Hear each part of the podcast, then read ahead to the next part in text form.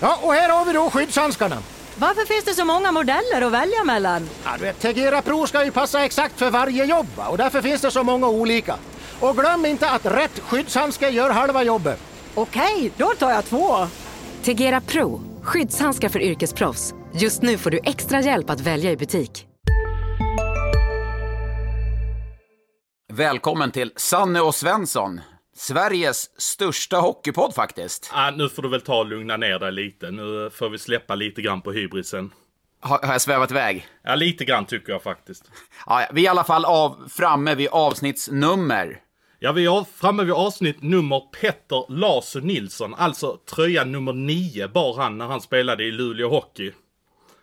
Och där fanns ju även en annan välkänd spelare med tröja nummer nio. Jag menar Håkan Bogg och Mora är väl starkt förknippade med varandra. Håkan Grogg, ja, eller Håkan Blogg. Ja, han hade ett härligt namn.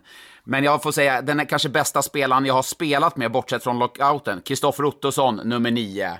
Eller den tuffaste spelaren jag har spelat med, Kalle Koskinen i Timrå.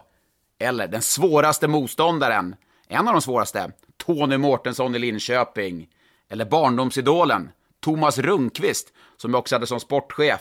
Eller den roligaste spelaren att möta, Magnus Wernblom. Ja, men där finns ju även andra spelare som burit eh, tröja nummer 9 som kanske inte är riktigt så kända för den breda massan. Jag menar, vi har Johan Hägglund i Leksand eh, som spelade i den berömda krigarkedjan med... Eh, krigare! Krigare! ja, Johan Hägglund spelade där med Jesper Ullas och eh, Johan Enekvist. Och om jag inte är helt fel påläst så var det väl i samband med att den kedjan gick som eh, den här ramsan skapades på Leksands ståplats för en tio år sedan någonting. Jag kommer säkert få skit för att det är fel nu, men jag inbillar Nej, mig att det var då. Vi men, gillar det i alla fall. Krigare! Krigare! och sen har vi faktiskt en riktig legendar här nere i Skåne som, har, eh, som bar tröja nummer nio. Och då pratar vi om eh, en riktig ikon i Rögle BK, Lennart Åkesson.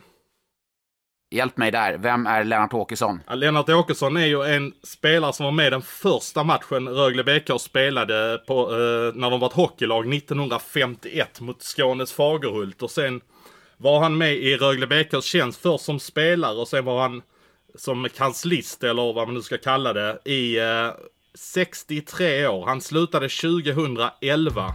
Det är ruggigt imponerande. Har sin tröja i taket så det här borde du faktiskt veta. Respekt.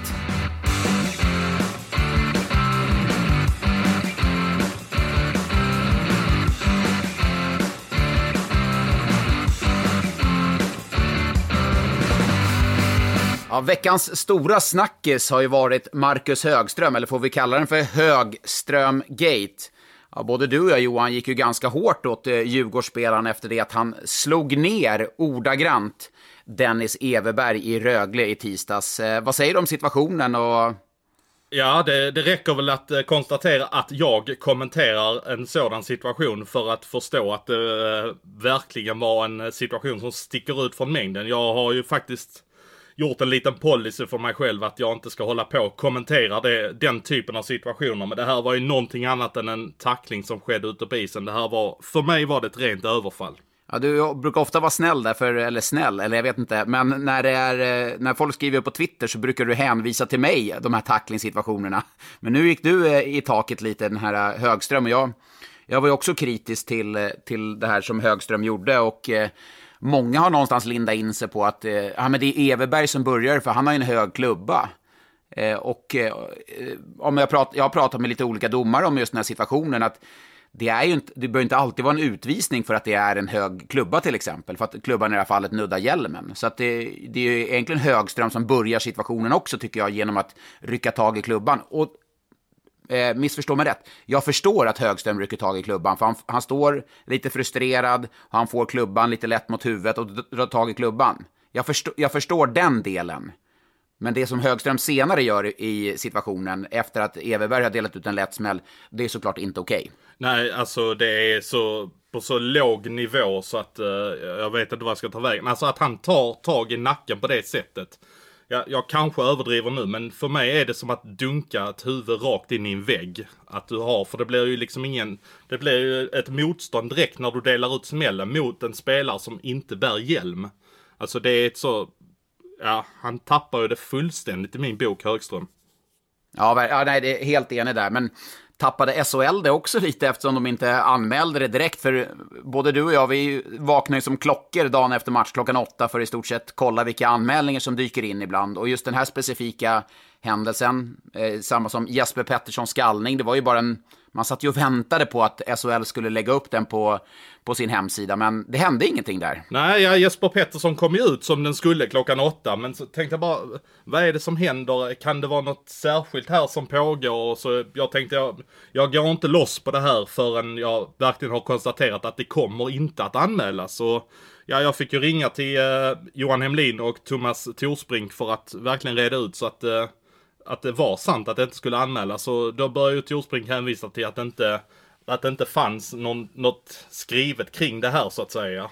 Mm, och, exakt. Eh, och det var, då, det var då lite grann gick i taket hur det inte kan vara möjligt att den typen av grej, att det inte finns reglerat på något sätt så att säga. Eh, och det, det, det jag tyckte man kunde hänvisa till, det var ju ett avsiktligt försöka skada en annan spelare.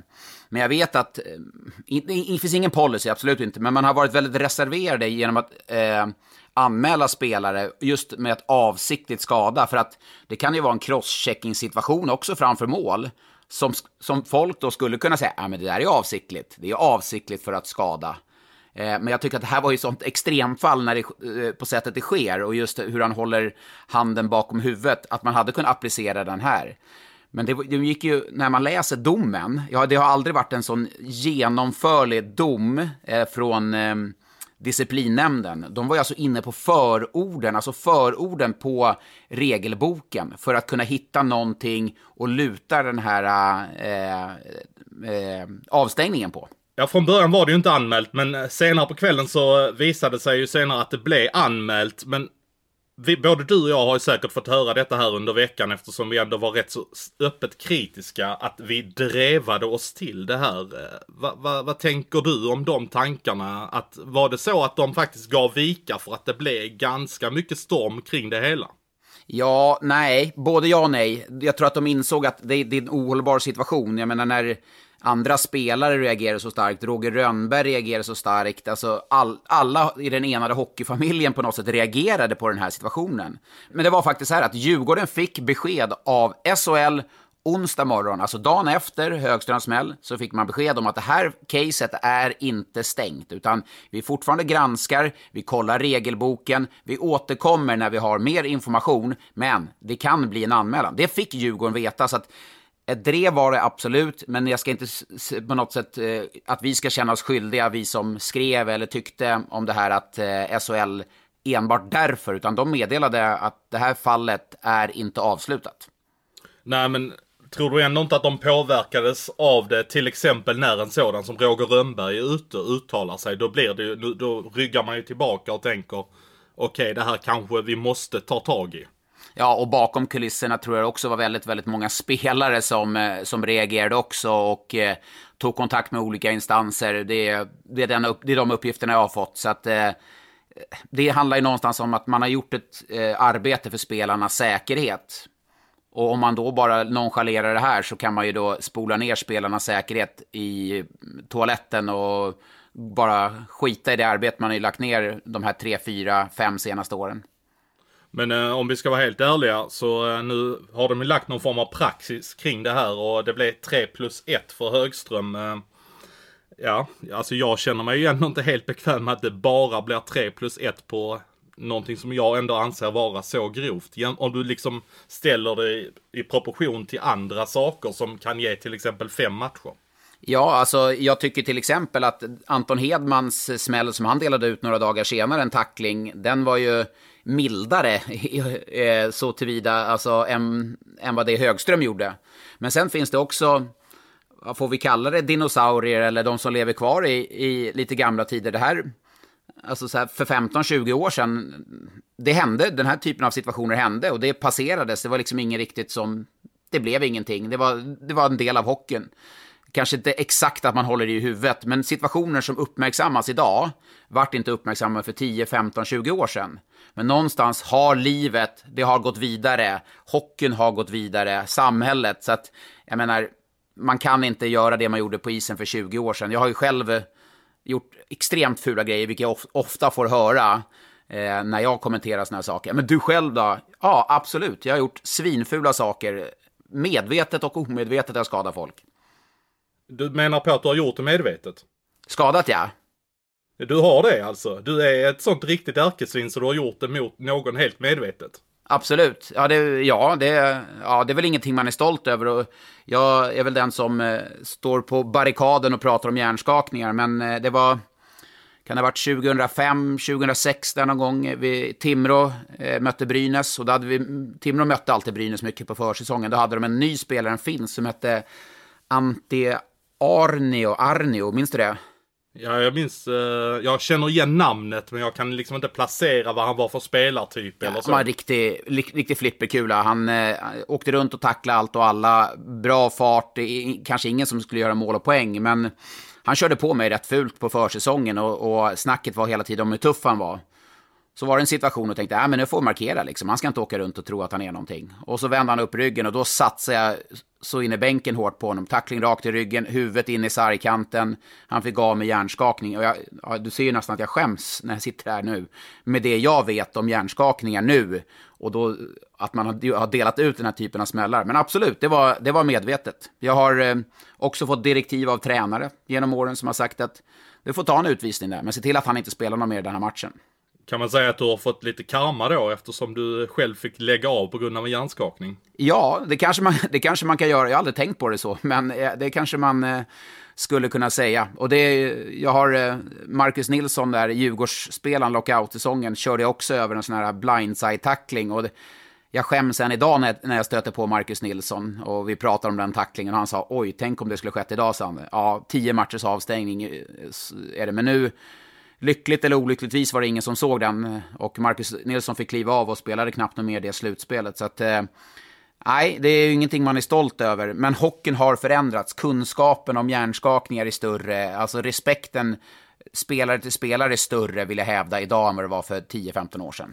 Jag vet inte om du kommer ihåg en riktig tjuvsmäll som Christian Berglund delade ut på, eh, kan det ha varit Niklas Falk i SM-finalen 2001? Eh, kommer du ihåg den? ja, ja den, den rullar ju på Seymour Classic ibland. Eh, ja, det var, lite, det var där jag såg den för inte allt för länge sen. Alltså, det kanske avslöjar en del av mig att jag sitter och kollar på Simon Classic på ja. lördagskvällar. Men nej, men den, var, den hade ju inte gått förbi idag om vi säger så. Nej, men också, du ser ju hockeyn har förändrats. Bara ta Eh, ja, men Djurgården mot eh, Luleå, eh, kvartsfinalserien 2011. Eh, eller året efter när eh, jag spelade i Färjestad, vi mötte HV71. Det var ju brutalt fult. Eh, domarna hade liksom, liksom... Var det då Jesse Joensuu eh, tog dig eller? Ja, eh, eh, han tryckte ut tänderna på mig. Vi fick visserligen matchstraff, men ingen, ingen vidare avstängning. Och hade det skett idag så hade det nog varit ett, kanske ett litet drev mot eh, Joens. Då hade du i alla fall backat upp med, det vet jag. Definitivt, definitivt. Men det, lite, om vi bara lämnar Högström då och går vidare. Vi kan i alla fall konstatera att vi tyckte det var fult, onödigt, han fick ett straff. Det betyder ju inte att vi tycker att Högström eh, är en idiot eller att eh, vi ogillar honom på något sätt. Jag vet hur Marcus Högström mår. Även om han själv kallar en icke-situation, han har sett den på video efter, så vet jag att man mår skitdåligt eh, och det kan jag faktiskt tala av erfarenhet. Man sover inte många timmar när man har gjort något, så, något, eh, något sånt fult. Eh. Och sen får jag bara lägga till en grej till där också. Att jag, jag har ju sett lite Rögle-folk som att nu ska det startas en jakt på, på Marcus Högström när, när Djurgården kommer ner till Ängelholm den 30 december. Att vi ska jaga honom, vi ska ta in fighters och allting liksom. Det blir, det, det, det, blir löjligt. Uh, nu har han, han mår dåligt för det förmodligen. Han har fått tre matcher, han har fått en bot och nu får vi liksom lugna ner oss känns det som. Ja, alla, alla har nog lärt sig någonting av det här och allra helst Marcus Högström som vill ha haft det ogjort och Dennis Everberg tvungen att tacka nej till landslaget också. Uh, så det är en situation som ingen ville hamna i såklart. Uh, Eh, och vi får väl, vi läm låt oss lämna den bakom oss. Och eh, någonstans i den här matchen, det kanske har glömts bort, med Nils Höglanders Zorro-mål. Ja, inte bara Zorro-mål, utan jag minns ju tillbaka vad Kenny Jönsson gjorde den 19 oktober 2007 på Malmö stadion när han vallade pucken eh, mot målburen och lurade Janni Horme och la in den i öppet mål. Nils Höglander gör ju alltså först en sådan fint och lurar ju Marcus Högström och sen lägger han in ett Zorro-mål, så han gör ju två Rögle-klassiker i ett så att säga. är det en Rögle-klassiker? Ja, det kanske det, det kanske Ja, är. men han då. gjorde, han gjorde ett Zorro-mål förra säsongen, så det, var, det är ju en Rögle-klassiker. Och Kenny Jönssons mål är ju verkligen en Rögle-klassiker. Men det här är ju, det är ju på så, som, sån otroligt hög nivå. Alltså skicklighetsnivån på det, på det Höglander gör. Vi, när man står still och trycker ner och lägger upp pucken så här, det, det klarar... I dagens hockey klarar ganska många spelare det. Men just det här att man gör det i en och samma rörelse, från att då finta bort eh, Marcus Högström till att sen gå runt och lägga upp den eh, på, på bladet och trycka in den. Den skicklighetsnivån. Jag, har, jag, jag kommenterade matchen och har sagt att jag, jag, kan, jag, kan, jag har inte sett något liknande det har, och det står jag fast vid. Nej, ja, det enda som är liknande är när han gjorde det mot Färjestad förra året, men detta var ju på en nivå klart högre upp. Ja, nej, vi får väl lyfta på den berömda hatten för eh, Höglanders eh, mål där. Det var mm, nej, veckans höjdpunkt utan tvekan.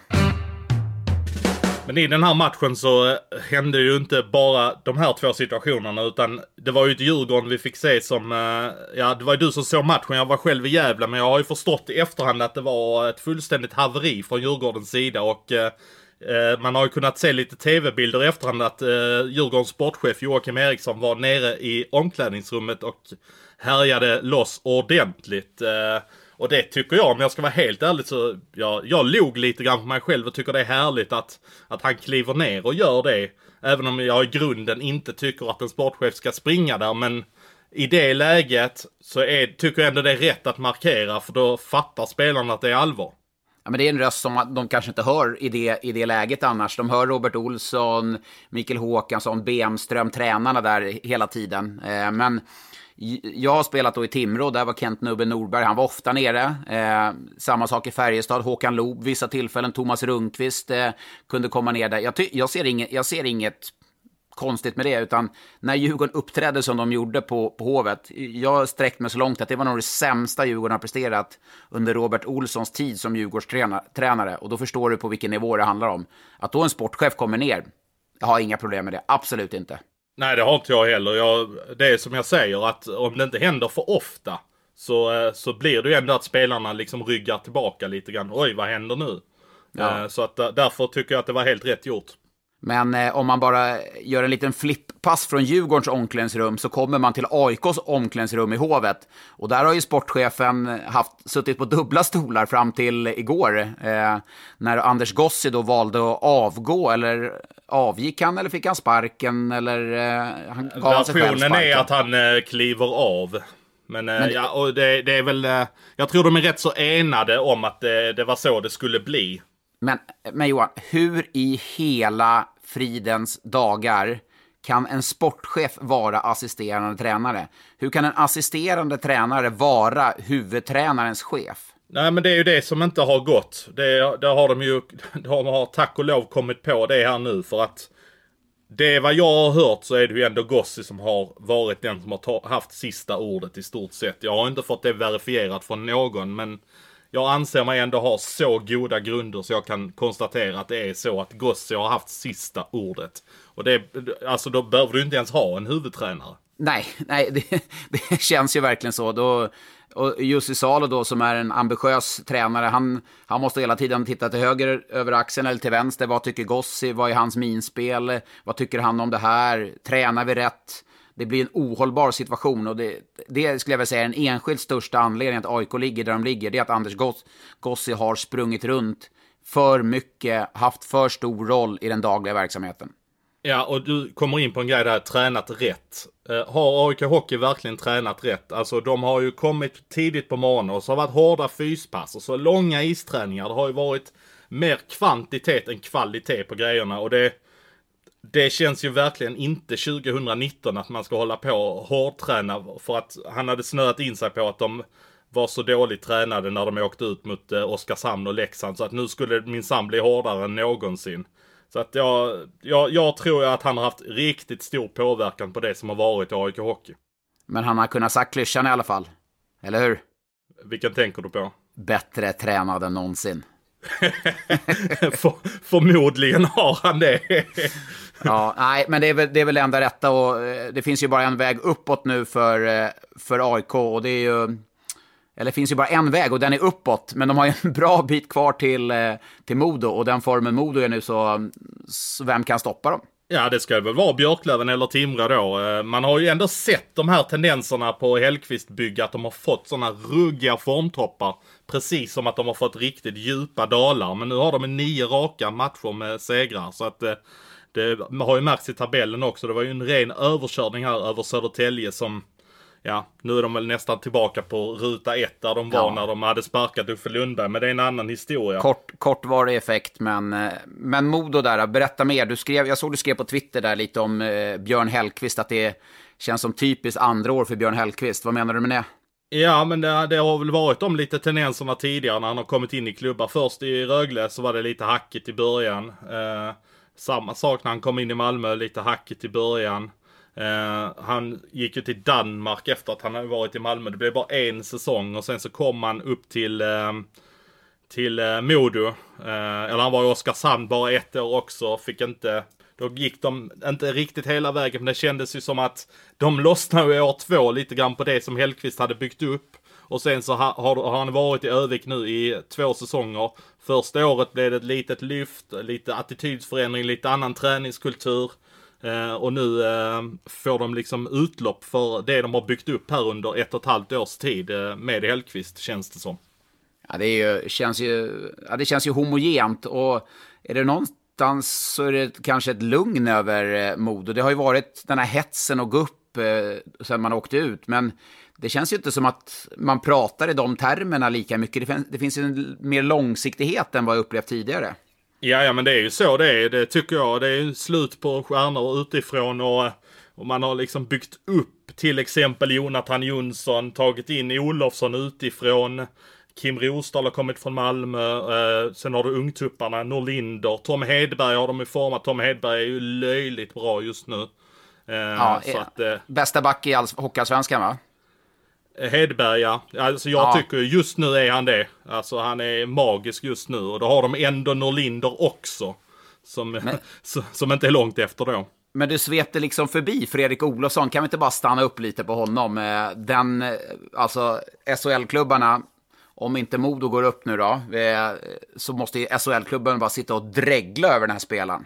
Lite kul att du nämner Olofsson där för att Precis innan det blev klart så uh, var det jag som avslöjade nyheten och det, det, det, var inte riktigt hundra klart när Hellqvist ringer upp mig och blir, han blir lite uppgiven för att uh, för att jag har breakat den nyheten. För den hade smugit lite under radarn eller? Ja men precis, den kom lite under radarn där. Så var jag rädd att han skulle tappa den. När man, när man har hittat ett enda guldkorn så kommer du ska sabba det här. Ja det är typiskt ja. dig. Ja, nej men eh, de rodde ju det i hamn som väl var så att... Um, de, men vad bra, han var, vilken, jag tycker han bara blir bättre och bättre i uh, match för match jag ser. Och jag skulle faktiskt kunna sträcka mig så långt och säga att det kanske är Hockeyallsvenskans bästa spelare uh, här och nu. Skulle jag, jag skulle nog sträcka mig så långt faktiskt. Ja, det är så. Ja, det är, det är svårt att säga emot. Det skulle vara Tom Hedberg i så fall. Ja, men om man ser... Eller, eller Kanata i Björklöven kanske. Ja, vi får väl ta ut eh, bästa målvakt eh, Canara och bästa back Hedberg och får vi ta ut eh, bästa forward Olofsson kanske då. Ja, men det kan jag faktiskt skriva under på. Men då har du ändå, då har du ändå glömt bort Jonathan Dahlén, men ja. Oh, oj, oj, oj. Och Albin Lundin. Ja, nej, nej, men jag ser en sån, sån komplett där i Fredrik Olofssons spel. Alltså, över hela banan. Eh, Dahlén är ju klart, eh, det är Hockeyallsvenskans största stjärna, absolut, det är, tveklöst är det så. Men jag ser en kanske än mer komplett spelare, Olofsson, över hela isen. Eh, eh så att, eh, ruggigt bra. Men Kanära eh, i Björklöven, såg du matchen Björklöven-Västerås? Ja, jag såg i alla fall nej, halvan av den. jag älskar, jag satt ju faktiskt på ett tåg ner till, eh, till dig i Malmö då faktiskt på, på fredag eftermiddag. För att åka från Karlstad till Malmö, det, det är inte det lättaste ska jag säga. Så då får man åka tåg. Men eh, då sitter ju du, jag och vår eminenta kollega Robin Lindgren. Vi har ju en liten chattgrupp som vi brukar prata i. Och den, det är uppiggande att sitta där och prata. Och så satt vi i eh, fredags men då såg inte du eh, Björklöven-Västerås, för du hade inte fått tillgång till tvn, eller hur var det? Ja, du, du nu, nu, sitter du och hittar på historia höll jag på att säga. Nej, men jag, nej, jag, kan, jag, kan, verifiera att så var fallet. I alla fall eh, till um, tredje perioden börjar ja. Ja, men det var en väldigt bra match. Eh, sett till Hockeyallsvenskan eh, tycker jag Björklöven är ju, är ju bra topplag som, som man är, men Västerås kommer bara mer och mer. Känns som att Pannanen har fått liksom, pussla ihop och bygga ihop det här laget på, på ett bra sätt efter att ha tappat. Men, ja, men jag, ty jag tycker de fortfarande är lite för ojämna. De är lite för ojämna. Det, Ja, men och det- visst, de- är, ändå, de är ändå någonstans, är de på väg någonstans. Men det, det, det kommer lite småhaveri emellanåt mot Tingsryd hemma, mot Västervik hemma. Ja, de har haft lite problem är inte hemma. riktigt där. Nej, haft lite problem hemma. Men, Johan, process. Ja, det är ju det är de glada för att använda. Ja, men det, det är ju det. Med tanke på att de tappade ju allt av värde, tänkte jag säga. Så var det absolut inte. Men de tappade ju enormt mycket skickliga spelare efter succésäsongen i fjol. Det är klart det tar ett tag att bygga ihop. Men när man kommer upp till eh, Umeå, fullsatt där, ruggig härlig eh, atmosfär, inramning och kommer och nollar Björklöven, alltså vinner med 2-0. Jag är jätteimponerad av det försvarsspelet man visade upp. Du sa ju faktiskt ganska tidigt i den här chattgruppen att Västerås kommer att vinna och eh, du sa väl det till och med när det stod 0-0 om jag nu ska ge dig lite cred i alla fall. Ja, det gjorde jag faktiskt. Men jag, jag, jag såg det när eh, sättet man uppträdde, sättet man spelade och lite hur Björklöven, kanske lite förvånande hur de frustrerade jag upplevde att de var. Eh, dålig disciplin, tog lite onödiga utvisningar. Eh, för att vara ett topplag eller serieledare så var det kanske lite ovant att se den frustrationen hos dem. Ja, men jag tror faktiskt Björklöven kan må bra av att få en liten käftsmäll så det inte går alldeles för mycket på räls för dem. De ska ju möta Modo här i nästa vecka. Det blir ju bara den och Västerås BIK Karlskoga som kommer spelas eh, inhemskt här i Sverige nästa vecka. Då förutom Tre Kronor som eh, spelar i Karjala då. Men om man, eh, du pratar lite om käftsmäll för eh, eh, Björklöven. Hur många käftsmällar kan man tåla i Mora efter ja, nykomling om man säger så? Alltså tillbaka i Hockeyallsvenskan efter en kval mot Leksand i fjol, åkte ut. Tycker ändå man har stora, en bra trupp, framförallt backsida ser egentligen på pappret bra. Men det är total, där är det ju, ja det är ju katastrof. Ja, ja, det är, det är faktiskt helt rätt uttryckt. Eh, nu har inte jag sett Mora överdrivet mycket, men alla rapporter därifrån säger att, eh, att de riktigt saknar linjer i grejerna. Att, att Jeff Jacobs eh, orutin börjar lysa igenom lite väl mycket och att, och att Mora verkligen, ja det är, och så har de lite problem på målvaktssidan också. De har ju båda målvakterna skadade, fick ju låna eh, Ward här från eh, Linköping, J20-målvakten, född 2001. Som bara kastades in så att eh, Ja, det är nog det är inte helt muntert i Mora just nu och eh, frågan är var de är på väg om de behöver göra någonting. Eh, kanske till och med göra någonting i båset. Jag menar Daniel Grillfors har ju har ju inte varit tränare tidigare och så är det Jeff då som är huvudtränare och sen så har du ju eh, Örjan Lindmark som är assisterande tränare. Det är ju han som egentligen besitter mest rutin på den posten. Det är ju det är ett tufft läge för dem. Men eh, ring Christian Engstrand. Allt är förlåtet, allt är glömt. Eh, ta in honom igen. Ändå en stabil, bra målvakt som man eh, kan luta sig mot. Som kan ge dem lite poäng och trygghet. Eh, jag förstår inte att det kan se så ostrukturerat i, ut i defensiven när du har Närstebö, du har eh, Skogs, nu visserligen bäst före-datumet passerat. Du har eh, Masur. Vik- Masur, Viktor Amner. Alltså, det är rätt... Kristoffer det- Gunnarsson också. Just det, som var både Linköping och Frölunda, gammal JVM-back. Så det, det är ju förvånansvärt att de har fått ut så lite av ett så pass meriterat och bra... Meriterat ska jag säga. Inte bra är det ju inte här och nu, men ändå en stabil backsida. Ja, nej, men det behöver hända någonting. Men det kan, de har ju blivit lite tunna också. De tappar ju David Goodwin här, eh, eller tappar tappar. De skickade ut honom. Han lyckades med konststycket att även få sparken i Mora. Eh, han fick ju sparken från Oskarshamn här i augusti. Så att eh, då kan man ju ifrågasätta ännu mer vad Oskarshamn höll på med i somras när de plockade in Goodwin. Men där är ju också, det var väl du som skrev om den, att det var lite, lite, stäm, lite stelt i Oskarshamn där mellan sportchefen Daniel Stolt och tränaren Håkan Åhlund.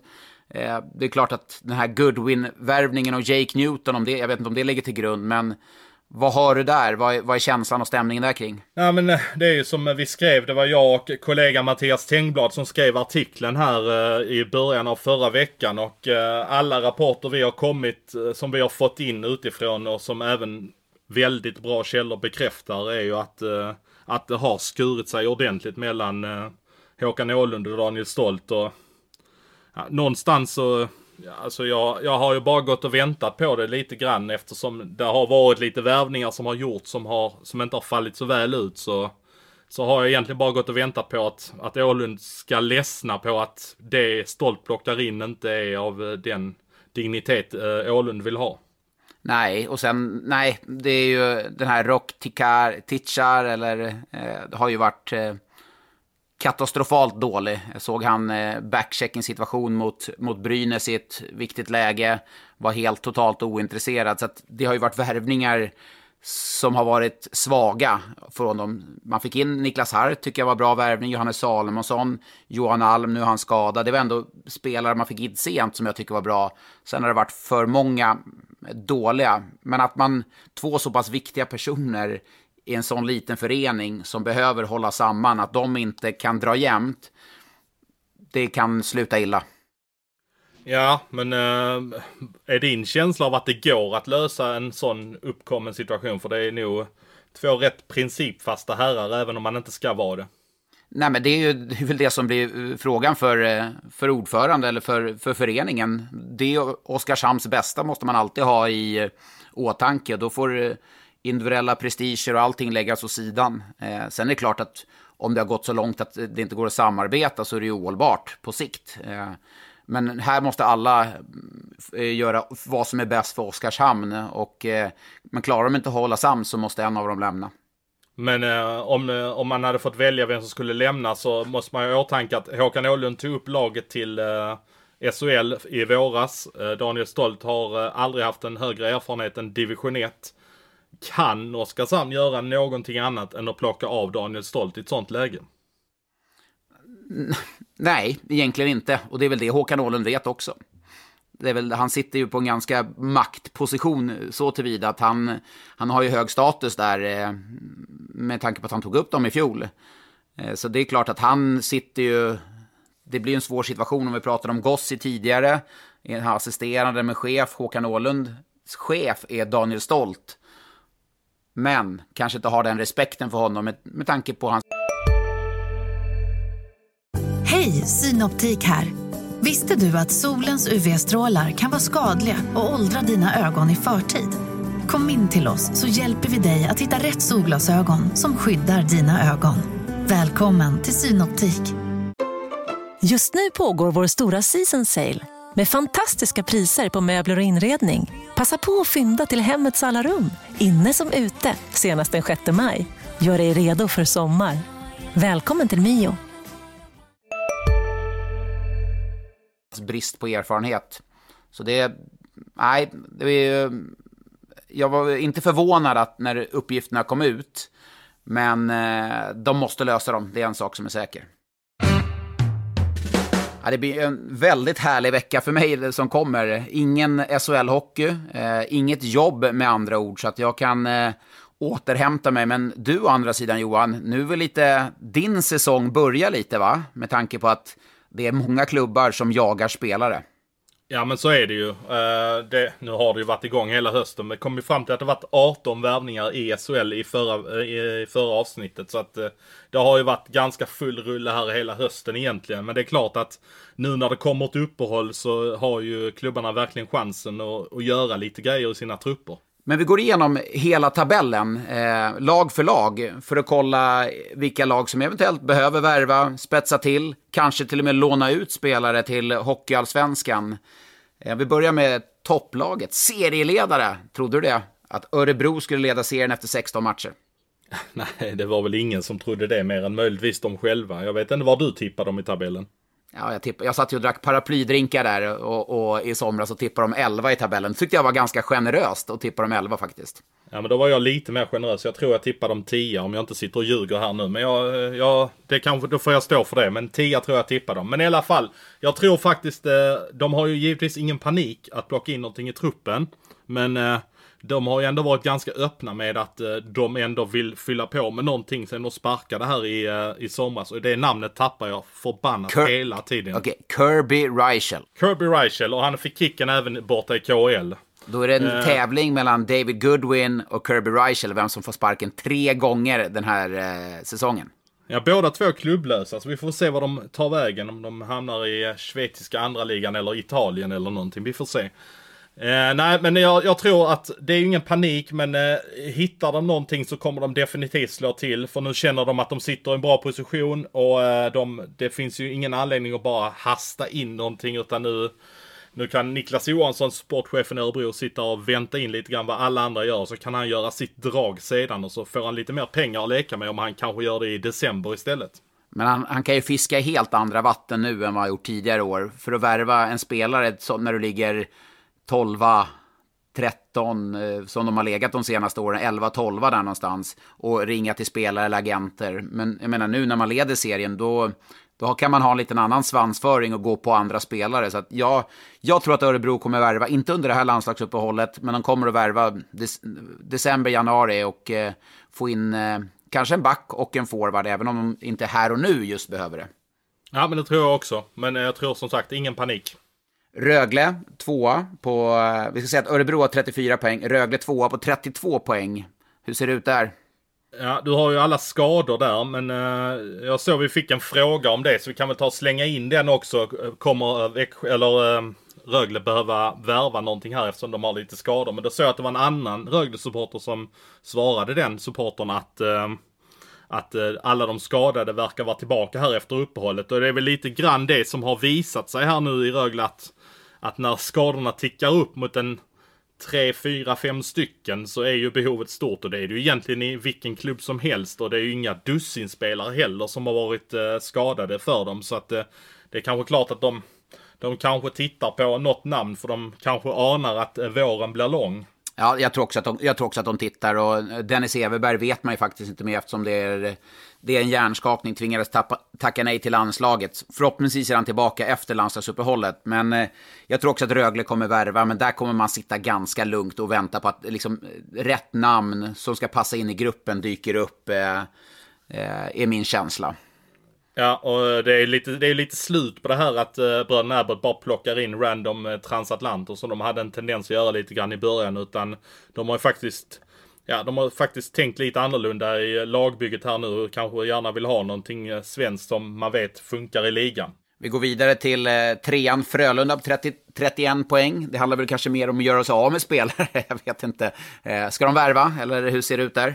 Ja, alltså det, det, det tänkte man kanske att de inte hade ett behov av förra året heller när de ändå tog in Gormley där i januari. Så att eh, jag tror inte det är omöjligt att de gör det för att de kanske inser att de behöver någon kraft till ett slutspel eller... Men in, ingenting här och nu.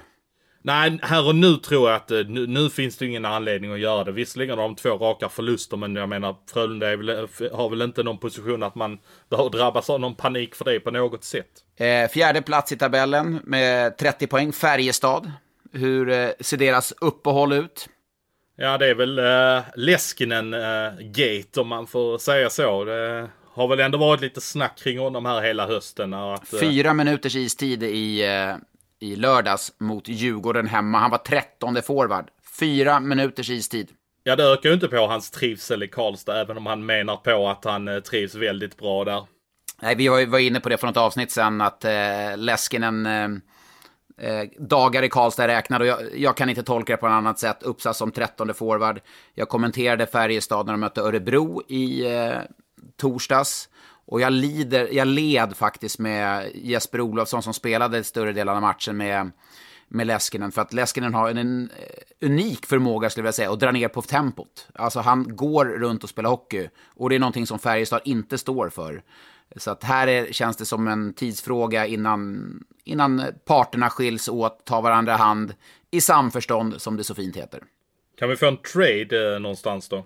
Ja, låt mig presentera. Det var faktiskt en fråga som dök upp här eh, om en trade. Malmö behöver ju spets. De kanske inte har råd med be- behöver, de- behöver de som drar ner på farten då? Nej, det är i och för sig sant. Visserligen, men de behöver spets. Men nu vet, vet jag inte. Men det var ju faktiskt en på, på Twitter, här, Henrik Andersson, som la ett förslag ang, angående Leskinen. Nu kanske inte Leskinen precis ska gå till Malmö. Jag vet inte om de har den börsen för att kunna ta hans kontrakt. Men han presenterade i alla fall om Färjestad skulle ta Nikola Mayer från, från just Malmö. Att, det känns som att Nikola Mayer skulle passa in i Färjestads sätt att spela. Vad, du som har sett Mayer mer, är han Malmös framtid eller är den i Karlstad kanske? Som, eh, som Henrik eh, antyder eller tycker. Ja, men om den är i Karlstad vet jag inte, men jag blir ju mer... Alltså nu tycker jag visserligen att han... Han har ändå lyft sig okej okay här nu. Han hade ju vaskat fram någon chans här i första perioden mot Leksand. Men jag tycker ändå att han kommer till alldeles för få läge, Meyer i Malmö. Så att jag, jag, jag blir allt mer skeptisk om det verkligen ska lossna där. Ja, så ingen Mayer till Färjestad då? Ska väl aldrig säga aldrig, men nej, om du ska ha ett svar på frågan. Men Fär, Färjestad måste ju värva då, om, om Leskinen försvinner så är det såklart, då, då öppnar det upp eh, möjligheter att värva något annat. Kanske inte det här uppehållet, men framledes i alla fall. Femman Luleå på, på 30 poäng, samma poäng som Färjestad. Eh, de har ju lite skador. Eh, Hollander, Emil Larsson. Emil Larsson är visserligen på väg tillbaka. Fredrik Styrman eh, borta resten av säsongen. Det känns som att där kan det hända lite. Ja, de byggde en ganska stor trupp från början. I alla fall på forwardsidan så startade de upp med 15 forwards. Hollander kommer ju tillbaka eh, någonstans här kring jul. Så det är ju inte jättelångt bort att eh, Hollander kommer tillbaka i alla fall. Uh, ja, Emil Larsson tillbaka i no november sägs det. Uh, mm, och de tog in Daniel Widing här på sju veckor fram till 19 december. Så att jag tror ändå inte att de behöver ha den på bänken. Det är väl snarare att man kanske behöver en back för att ha bredden när man ändå vet att, eh, att Fredrik Styrman är borta hela säsongen. Eh, Elias Fält, är det ett namn som eh, skulle han passa där? Det, det finns väl fortfarande lite kräm kvar Elias Fält? Ja, men är det... Men alltså, ja. kom upp som sjunde back, få chansen att vinna, vara med och gå långt. En bra kille i omklädningsrummet, rutin, kan, kan spela 8, 10, 5, 15 minuter om det så krävs. Ja, alltså egentligen. Ja, varför inte egentligen? Då avslöjar vi det då. ja, det, är inte, okay, det, är inte så, det. det är inte så du jobbar kanske. Nej. Nej, vi går vidare till HV71 då, som eh, seriens mest ojämna lag får jag väl ändå säga. Jag vet aldrig, när jag ska åka och jobba och, och vad ska vi prata om HV71 idag? Det vet jag faktiskt ingenting. Jag, vet aldrig vad jag får av laget. De kan prestera jättebra en dag och jättedåligt en annan dag. Men HV är i alla fall sexa på eh, 26 poäng. Och så har vi David Gustafsson som de kanske går lite grann och väntar på där borta i Winnipeg. Eh, nu har han ju spelat ett gäng matcher så att eh, kommer han tillbaka eller inte? Ja, han är också bara någon match bort ifrån eh, från att, för att första året på kontraktet där borta i Winnipeg ska ticka in. Och gör det det så kanske de, då har de väl liksom ambition att, att han ska stanna där hela året. Eh, HV hade, det var kul om David kom hem, för jag tror att han skulle vara en riktigt positiv injektion. Och jag gillar verkligen det som jag såg och utvecklingen från David i fjol.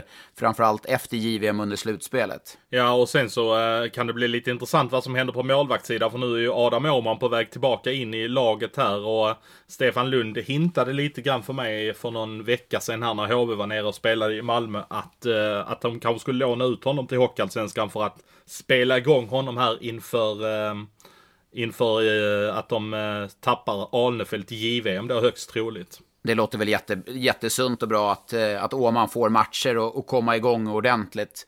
Men eh, David Gustafsson, center, ska vi... Är det för tidigt eller att göra en liten pudel angående Axel Holmström? Vi var väl ganska kritiska mot honom tidigare, med all rätt, med tanke på att han inte inledde så bra och knappt fick speltid heller. Jo men det, det stämmer. Det var ju nästan så att man satt och var lite hånfull där att det cirkulerade en bild från, eh, från HVTVs eh, inslag när han eh, såg ut och hade lagt på sig lite trivselkilo i sommar och, och sådär. Men eh, han har gjort poäng i fyra raka matcher här nu och eh, ja, har ju faktiskt visat sig att han, eh, att han Kommer kan vara hyfsat kontinuerlig här alltså. Ja, absolut. Ja, men det känns ju som att HV kan väl sitta ganska... Man väntar nog in David Gustafsson innan man tar något beslut. Backsidan behöver man inte, den ska man inte röra vid för den är bra. Målvaktssidan, där har de bra spets och också bredd som vi var inne på. Ja, och gällande David så kan det egentligen komma ett beslut här när som helst. Så att eh, det, det vet vi ju inte. Vi går vidare till Skellefteå som ändå har varit en positiv överraskning. Landar in på en sjunde plats på samma poäng som HV71 på, eh, med 26 poäng. Man fick ju in Thomas, Thomas Kiskinen och han behövde 38 sekunder på sig och presentera sig för Skellefteå-publiken. Och där har man ju nästan, forwardsuppsättningen är ju, den är ju bred. Och backuppsättningen bred, målvaktssida nu, Armalis tillbaka. Det är, ja. sitter Men, väl ganska eh, tjocka och nöjda om du, om, du, om du tittar på Kiskinen. Så ska en import agera. Så ska en import producera. Du har ju din lilla gullegris Tom Pyatt där som... Eh, ja, när du var i Skellefteå så gjorde han väl 1 plus 1 och det var nästan direkt efter att jag inte tyckte att det var okej okay att ha en import som producerar så lite poäng. Nej, men då, ja, då, men han kanske bara Tom Pyetts närvaro höjde Kiskinen då. De spelade ju en kedja tillsammans, så att Tom Pyatt betydde mycket för Kiskinen kan vi konstatera. Ja, men säkert, säkert. Men de är fat and happy. De är ju, känns som att mer man ska låna ut spelare. Där är ju frågan om en sån som Rickard Hugg då, Eh, Eh, JVM-spelare i fjol, har en begränsad roll, kanske istället låna ut honom. Nu vet vi att han inte kommer gå till Björklöven, det, det kan vi konstatera i alla fall. Men det finns ju lag, eh, aningen, eh, några mil söderut, både Modo och Timrå som nog skulle ta emot en Rickard Hugg med öppna armar. Det tror jag verkligen de skulle. Ja, veckans får väl ändå säga, eller för, föregående veckans krislag ändå. Djurgården på åttonde plats, 25 poäng. Eh, en poäng bakom då Skellefteå. Alltså, man, eh, man är bara en poäng bakom sjätteplatsen, så det är ingen fara för Djurgården. Men veckan har innehållit tre förluster. Eh, 3-13 tror jag man haft, hade i målskillnad.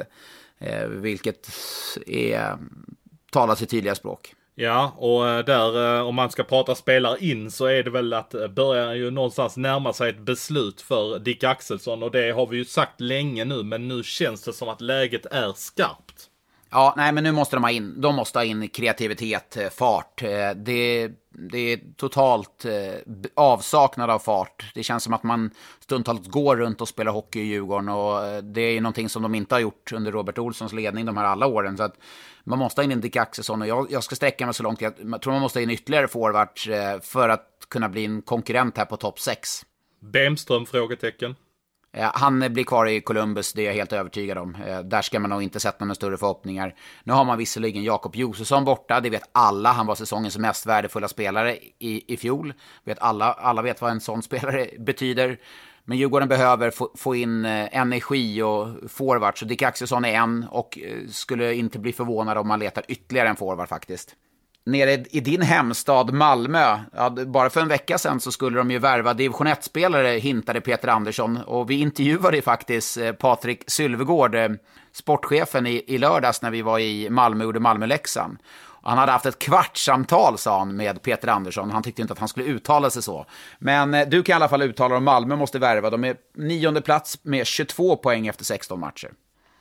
Ja, men jag tycker att man, man behöver en skarpskytt och det, det är ju egentligen en Ville Leskinen de behöver. Fast de, de har ju förmodligen inte råd med det och de vill inte ha någon som drar ner på tempot. Så att de, de hade behövt någon som har lite fart på rören, en högerskytt som, eh, som kan stänka dit målen. För jag, jag tycker att eh, det märks ju direkt när till exempel Max Görtz och Johan Olofsson är borta. Då har de alltså inte en enda forward som är högerskytt. Då kan de bara spela Marcus Björk i powerplay på den sidan så att säga.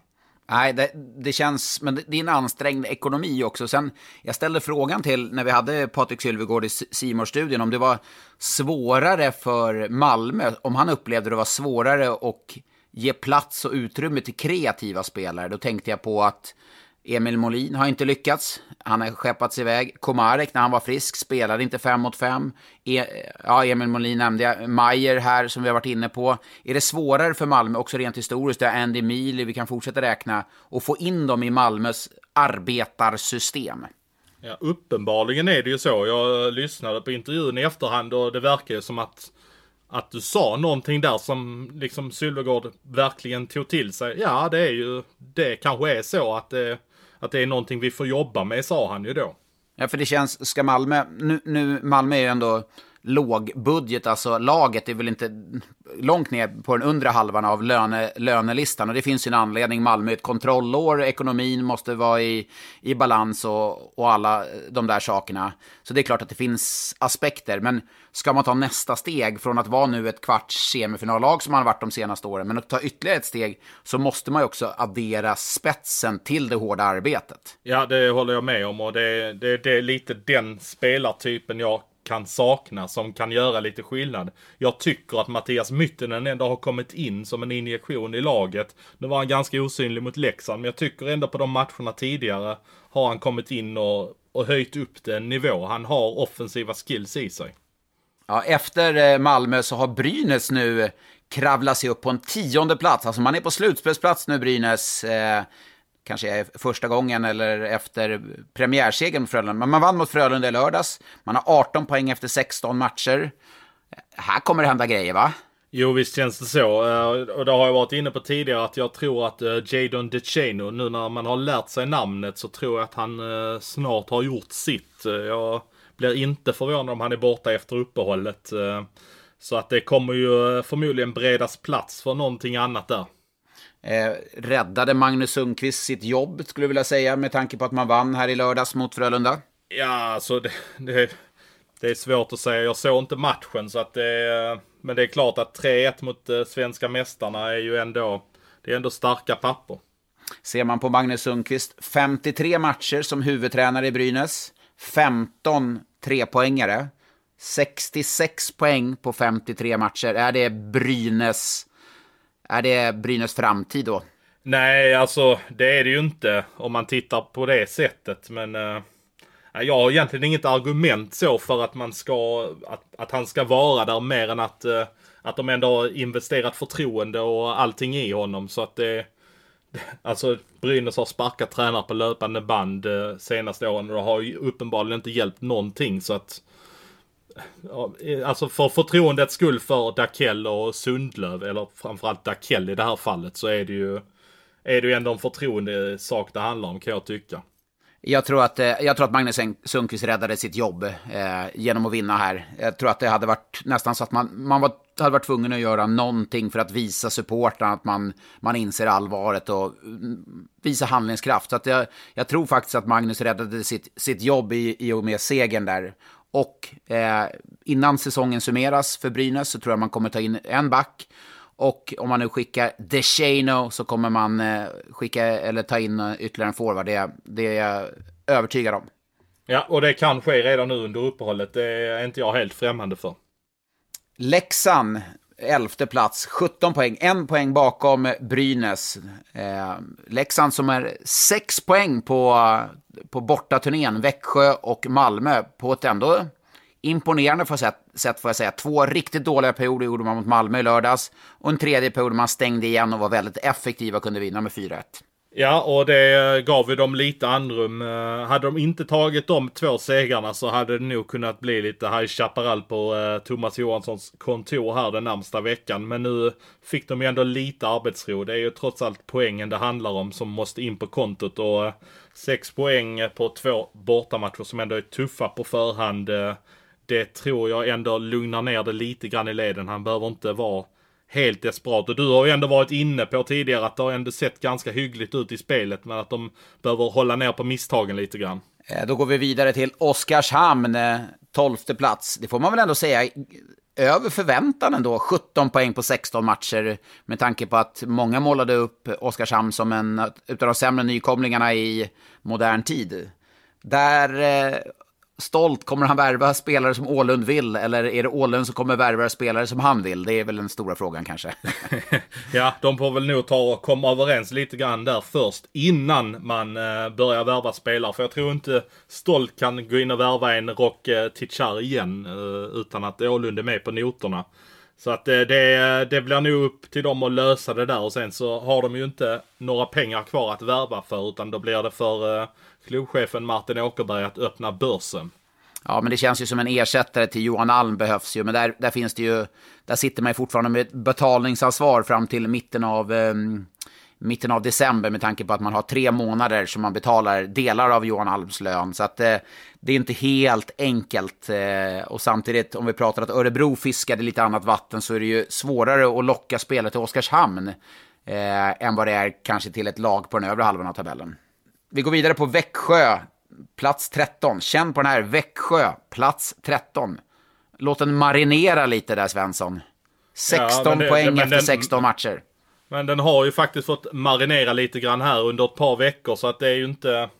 De har ju faktiskt till och med varit sist så att de är ju bättre än vad de faktiskt har varit denna säsongen. Så att det, och nu vann de ju här mot Luleå vilket var jättenödvändigt att de fick gå till uppehåll med en seger. Men jag tror ju ändå att jag vet att de är på jakt. Det är liksom ganska öppet att man är Okej, det. Och det är inte... Johan, Johan, du är Mr Maddock, du avslöjar kungen. Ge mig någonting på Växjö, vad händer? Ja, jag eh, är helt övertygad och jag hör att de är på målvaktsjakt. Namn, ge mig namn, ett, två, tre namn, vad har du? Jag har hört dels att de har varit på eh, tidigare Frölunda-målvakten Johan Gustafsson gjort en förfrågan till eh, Mannheim som han spelar i nu, är andra keeper där nere. Eh, Jan-Axel Alavar är ju sportchef där så han har ju starka band i Sverige. Eh, och sen eh, vet jag att eh, lite grann att eh, Justin Poggis namn har cirkulerat. Eh, Jag vet inte om det har gjorts någon konkret förfrågan men jag vet att det har cirkulerat lite grann där på bordet för, eh, för sportchef Henrik Evertsson. Spontant, Justin Pogge, det perfekta namnet. Vad grundar du det på? Han har ett grundmurat toppen bra självförtroende. Han skulle komma in i den gruppen med ett sånt, sånt lugn och sån självklarhet och sån pondus. Sen tycker jag att han, jag tycker han har över tid visat att han är en eh, duglig och bra målvakt. Det är, för- stora frågan är ju hur länge Viktor Fast blir borta.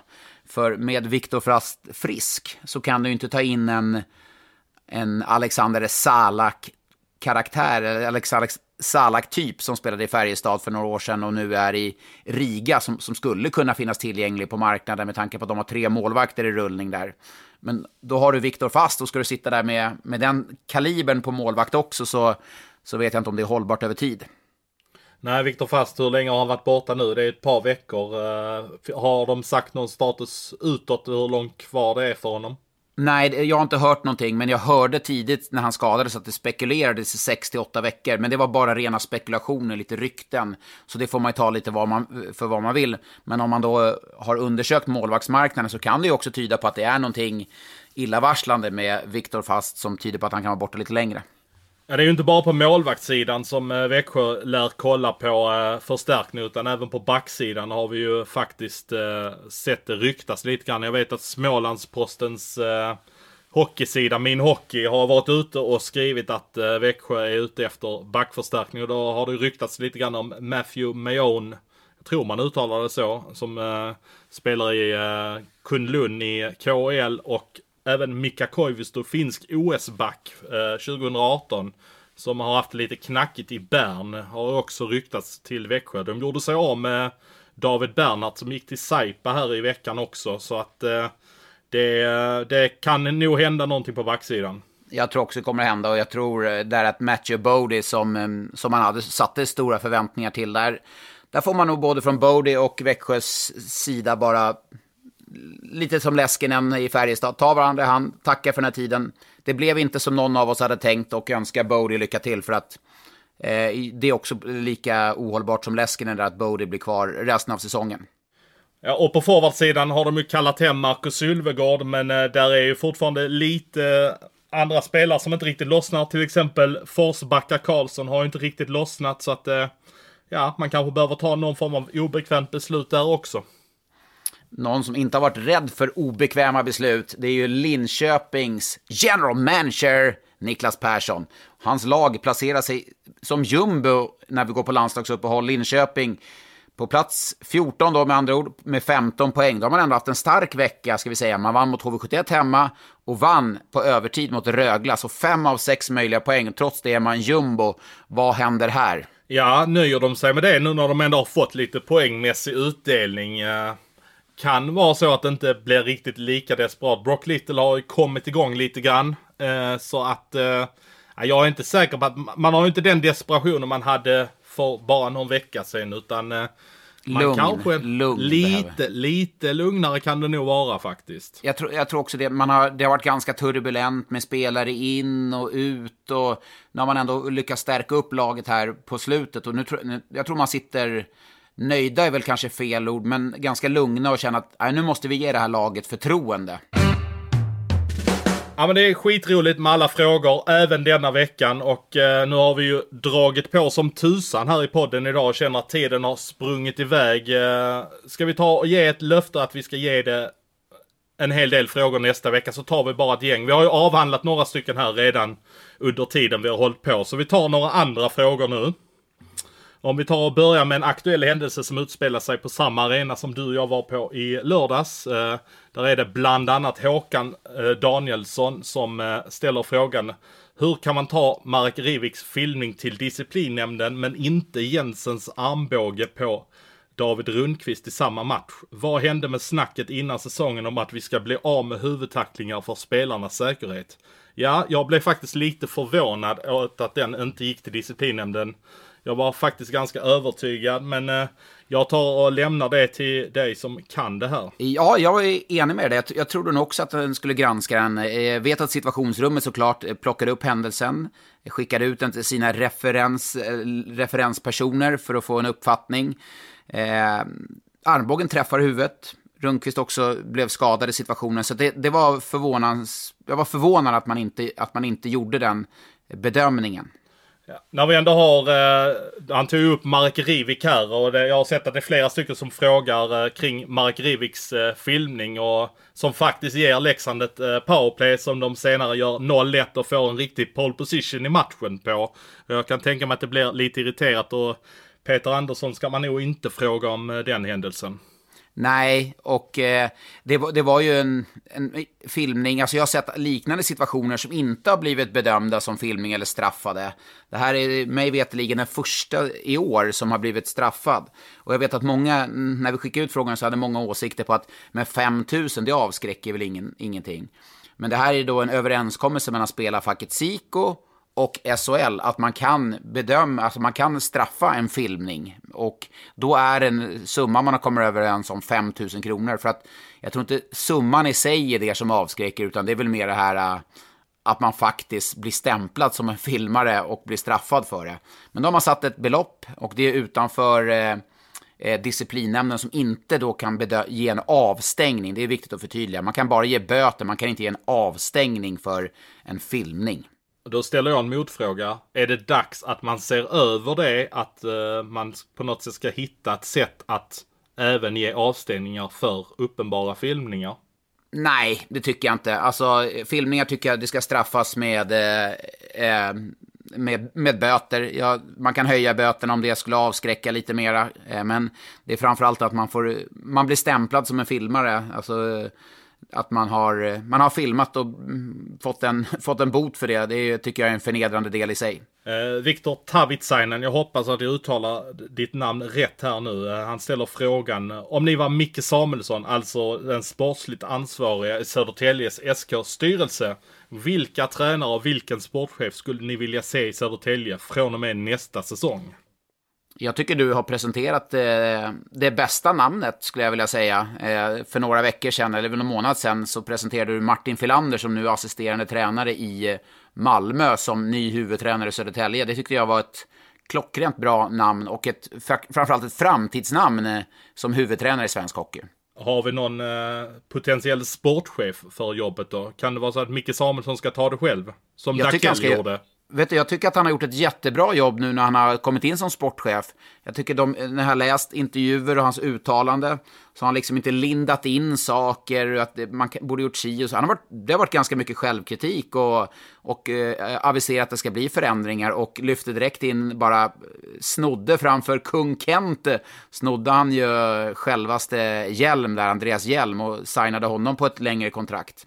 Ja, väldigt kul med alla frågor som dyker upp och vi har vävt in lite frågor och framförallt mejl här. Det var ju Oskar Jansson som ville ha en genomgång av samtliga lag här och det tyckte vi var en bra idé och, eh, för, och göra något form av bokslut i samband med landslagsuppehållet. Ja, det är härligt med alla mejl som dyker in och eh, vi finns tillgängliga på Sanny Svensson i ett enda ord snabla expressen.se. Sanny Svensson snabla expressen.se. Där når ni oss. Och vi finns ju inte bara där. Skicka ett vykort till oss också. Ja, Kvälls... du, du... ja, men skicka till Kvällsposten. Sanny och Svensson. 205 26 i Malmö. Vi vill ha vykort. Vem, vem, liksom, du är den här, du är YouTubern, det ska vara tummen upp och likea och dela och hit och dit. Jag vill ha vykort. då kan vi skicka dem till dig då. Jag vill skicka dem till Kvällsposten, då får de skicka ut dem. Ja, helt rätt. Skicka vykort om ni vill det. Nej, det har varit en händelserik vecka och det har ni säkert hört på hur snabbt vi har pratat. Jag får ofta kritik att jag pratar för snabbt och jag vet inte vad du får kritik för Johan. Ja, det är väl att jag pratar för grötigt skulle jag tro. Det, det hörs inte. Nej, du har vant dig nu. ja, exakt. Nej, men eh, jättekul att ni har varit med oss. Och för alla er som har suttit och väntat på Elite Prospect-spelaren, ber om ursäkt. Vi har haft så mycket att prata om. Jag som hade planerat att sätta Johan på plats den här veckan, men den som väntar på något gott väntar aldrig för länge. Vi ses om en vecka igen. Tack och hej.